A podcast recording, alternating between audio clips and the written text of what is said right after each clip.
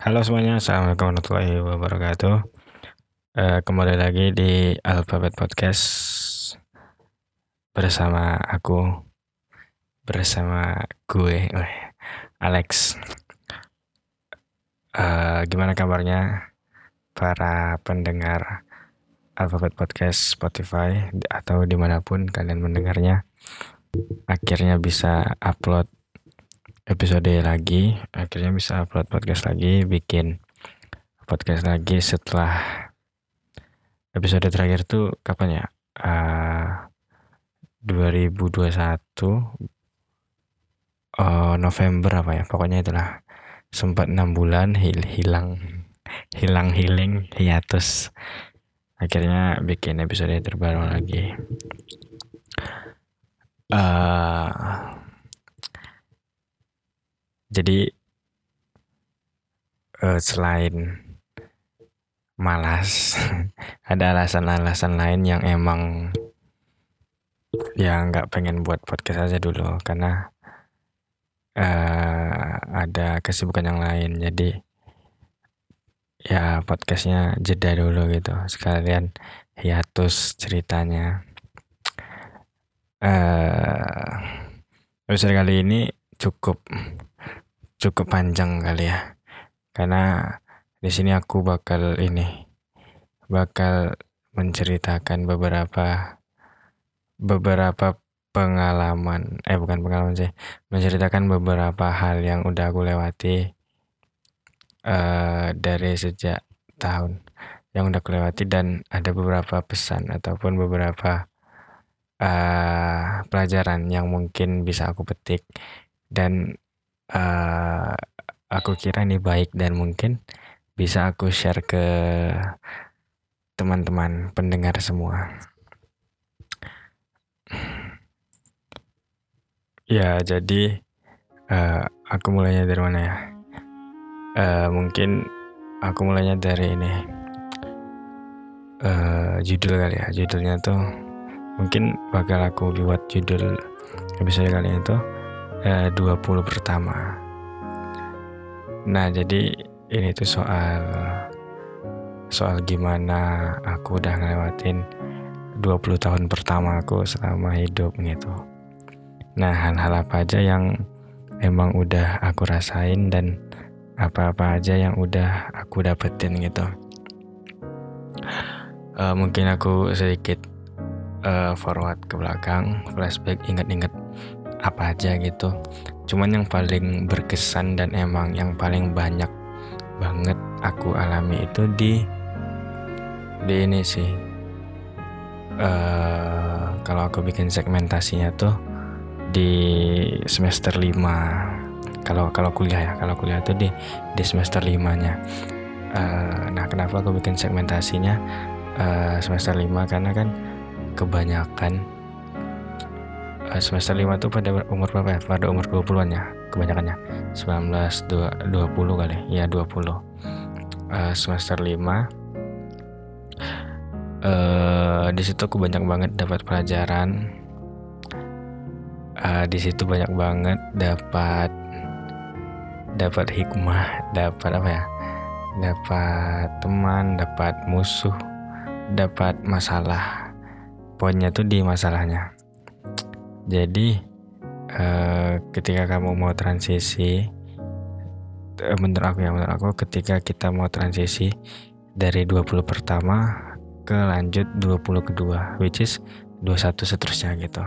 Nah untuk melewati uh, pergantian angka itu 20 ke 21 uh, ini nggak tahu ya ini aku aja yang ngerasain atau uh, teman-teman juga pada ngerasain uh, pergantian 20 ke 21 itu itu uh, sebuah gelombang yang yang emang cukup cukup dahsyat. Ya ya bukan lebay tapi emang yang aku alamin begitu. Oke baik lanjut kita ke semester limanya. Nah mungkin uh, ngomongin umur 20 pertama uh, mungkin itu tuh orang-orang biasa nyebutnya quarter life crisis ya. Tapi aku nggak bakal nggak bakal ngebahas uh, lebih dalam soal itu. Karena ini lebih ke ini sih lebih ke pengalaman aku aja dan keresahan-keresahan aku yang udah aku alami. Barangkali ada yang relate sama kalian semua gitu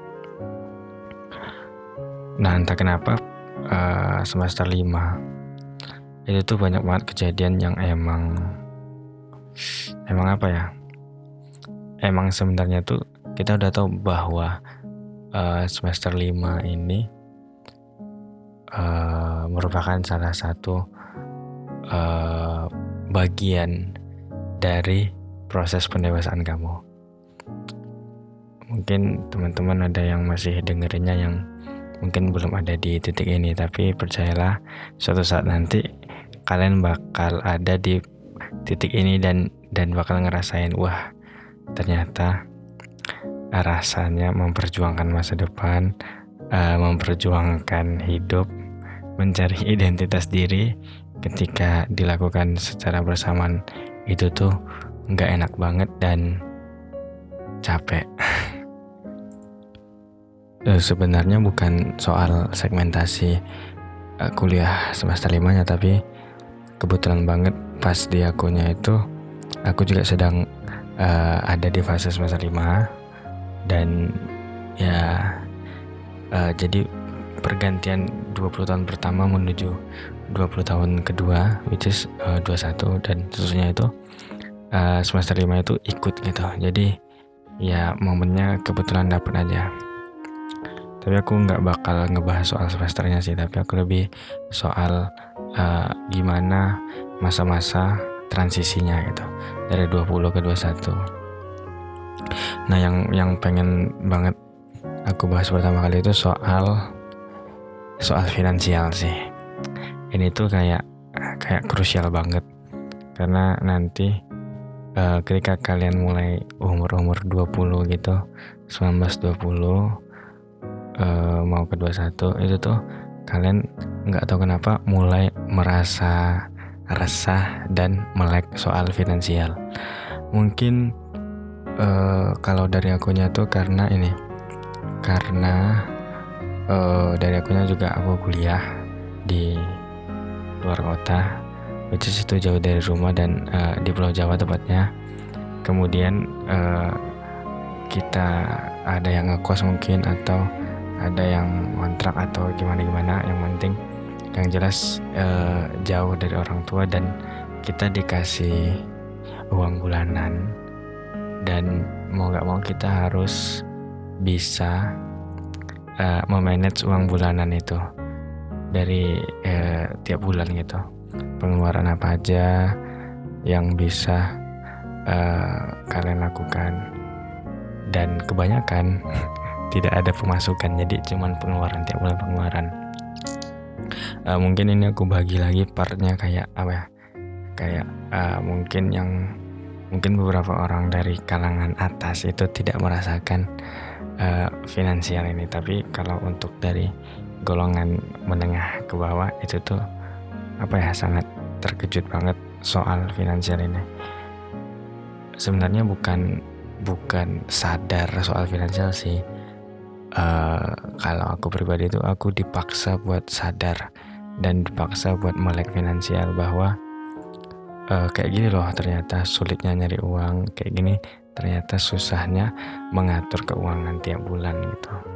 Apalagi uh, kalau kalian nggak pernah megang uang yang banyak selama uh, selama masih tinggal sama orang tua gitu uh, dalam artian kalian tuh nggak pernah dikasih uang per bulan gitu. Dan baru dikasihnya ketika kalian uh, jauh atau kalian kuliah gitu.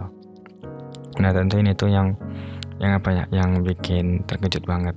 Dan ini tuh permasalahan krusial karena karena apa ya? Karena uh, uh, ini godaannya itu godaan dong. Karena tantangannya itu berat banget sebenarnya ini juga tergantung sama kaliannya uh, gimana kalian buat uh, menghadapinya ya.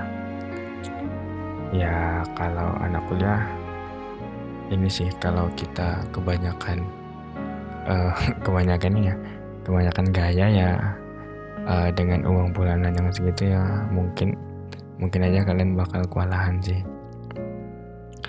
Nah jadi kalau dari aku pribadi soal uh, finansial ataupun soal gimana ngatur keuangan uh, mungkin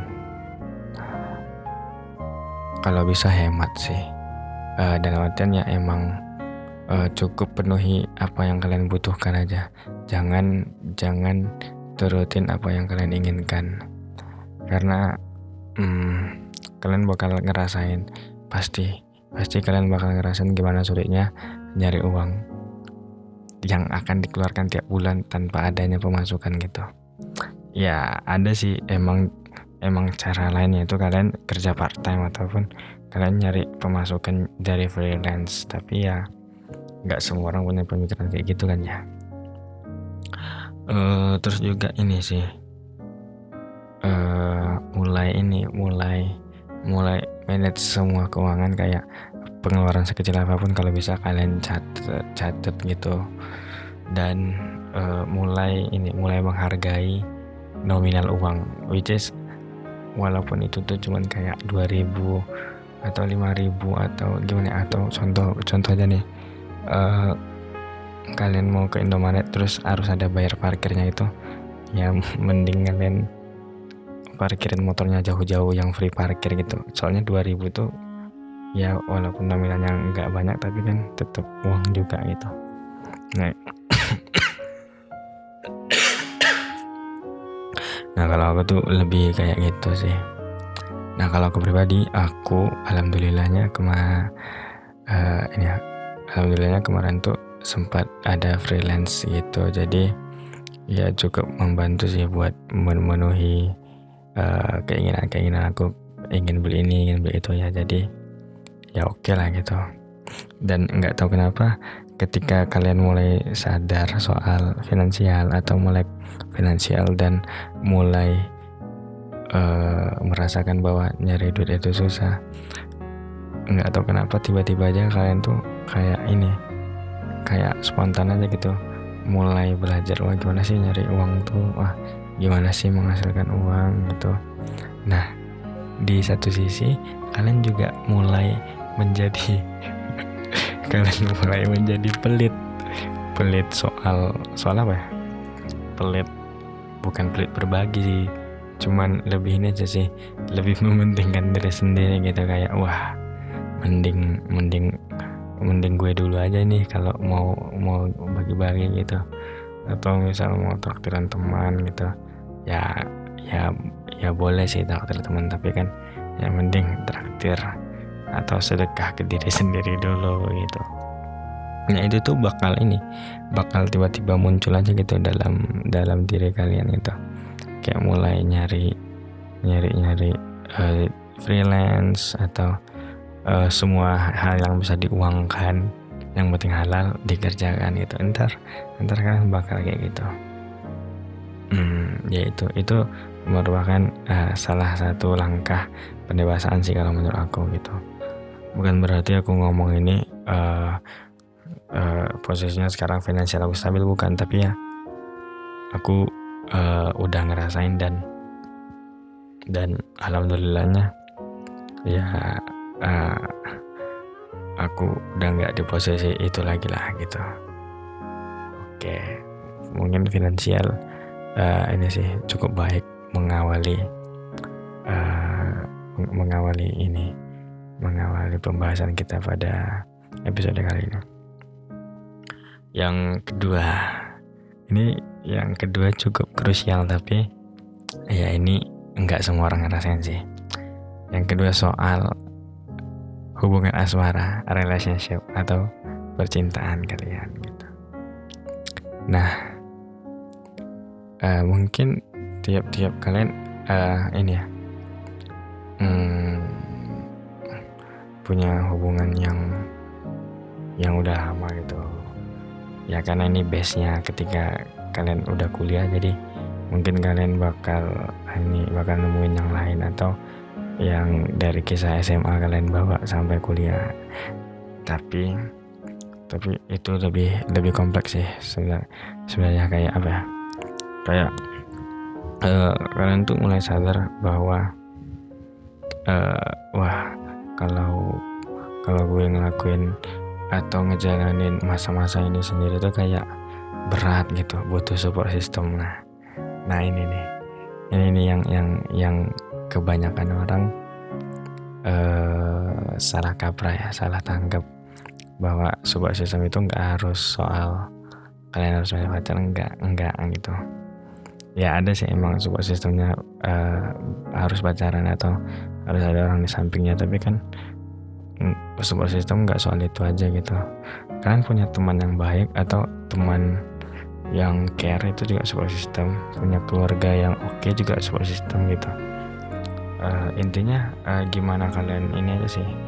Gimana kalian uh, melihat siapa di sekitar kalian aja gitu uh, kenapa aku ngomong kayak gini? Soalnya aku pernah menjadikan seseorang support system aku gitu. Tapi ya namanya juga orang kan ya. Kalau kita berharap lebih ya dia malah nggak hmm, malah berlebihan gitu. Malah kayak semena-mena gitu ya. Intinya uh, ini sih kalian tuh jangan expect expect too much gitu ke someone yang uh, yang kalian percaya gitu. Tetap ini tetap uh, tetap usaha sendiri uh, tetap tanamkan uh, pemikiran kayak gini kayak yang bisa nolong gue itu cuma diri gue sendiri gitu.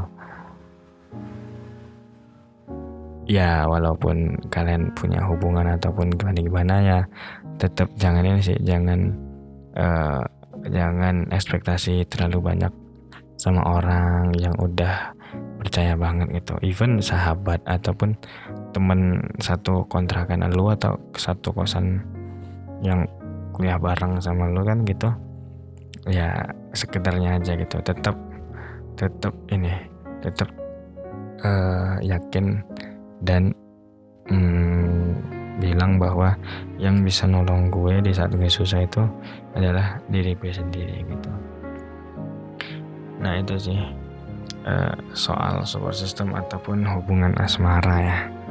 Kalau hubungan asmara tuh mendingan kalau kata gue mah jangan gitu.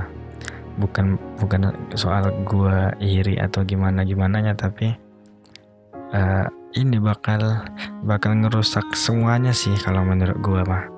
Uh, soalnya kenapa? Karena kan di awal tadi kan gue bilang soal finansial. Nah lo lo itu lagi ada di mas aduh ini kenapa gue lagi aduh ini kenapa bahas bahasanya lo gue ya nah soalnya gimana uh, kan tadi di awal aku bilang uh, yang pertama itu yang yang pertama itu soal finansial. Kalian uh, dipaksa sadar, dipaksa melek soal finansial. Nah itu bagus tuh. Kalian mulai catat semua pengeluaran, mulai hemat, mulai mikir gimana caranya nyari uang gitu.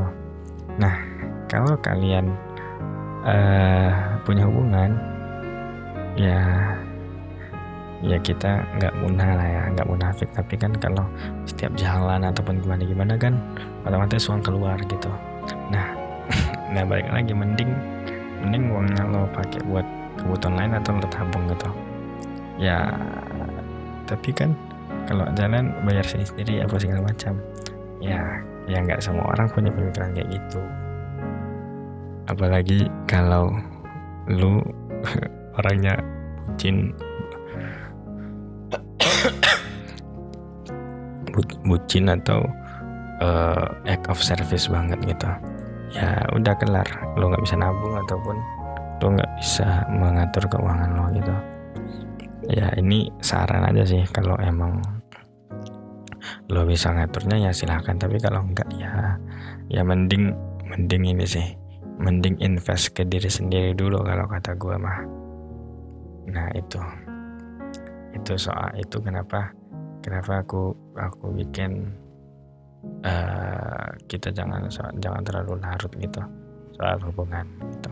Wah udah udah apa tadi finansial uh, relationship juga udah oke okay. terus juga pertemanan tadi kan udah dibahas sedikit yang soal jangan terlalu berharap ataupun jangan terlalu percaya sama orang kemudian uh, ini kemudian kalau uh, kalau aku sendiri tuh gini kalian mulai uh, nggak denial atau menolak beberapa hal yang menurut kalian tuh wah ini tuh kayaknya nggak nggak bakal ngaruh di karir aku atau di masa depan aku gitu. Nah kalian mulai pikir tuh mulai pikir soal wah ini hal-hal apa aja sih yang perlu aku aku ini aku ikutin atau hal-hal apa aja yang perlu aku pelajarin gitu. Nah poinnya tuh cuma satu. Apa yang bisa bikin diri diri kamu berkembang? Nah ikutin aja gitu. Uh, dan jangan ini jangan ikut-ikutan. Kalau bisa uh, kamu punya karakter sendiri kamu bisa kamu belajar gimana caranya bertanggung jawab sama diri kamu sendiri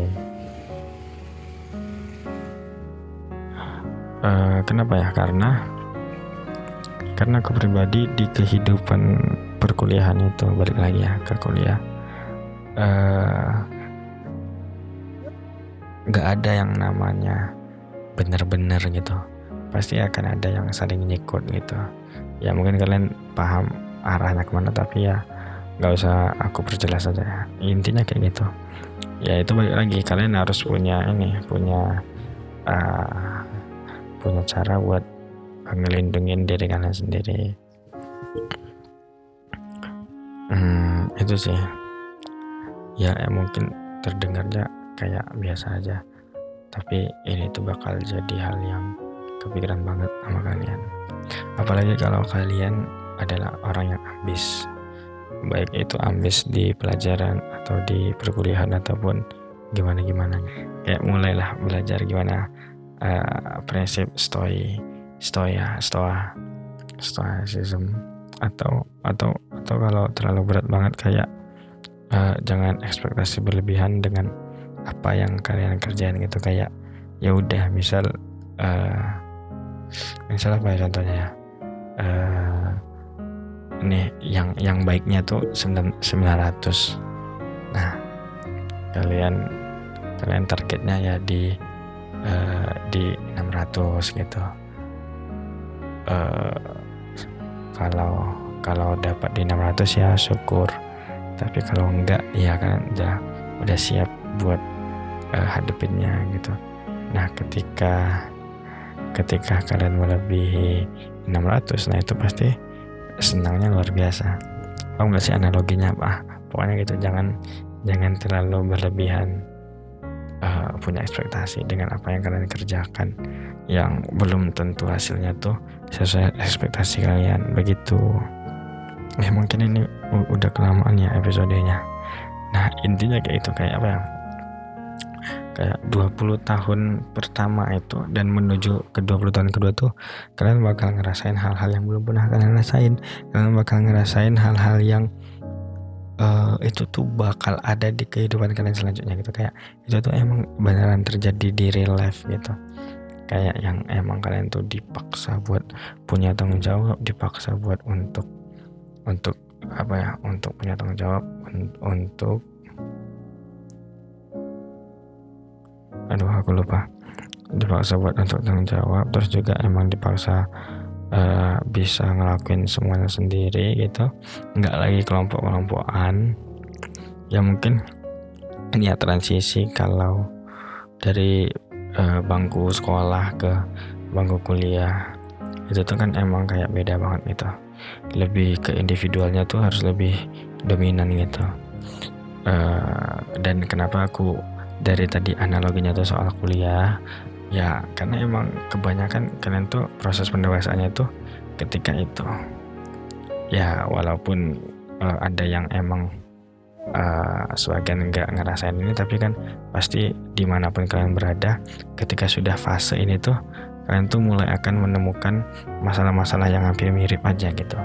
Cuman uh, kenapa aku bahasnya ini? Karena kan ini tuh juga terjadi di aku. Jadi aku mau sharing aja. Barangkali ada yang udah ngerasain atau lagi ngerasain di fase ini gitu. Ya mungkin itu aja.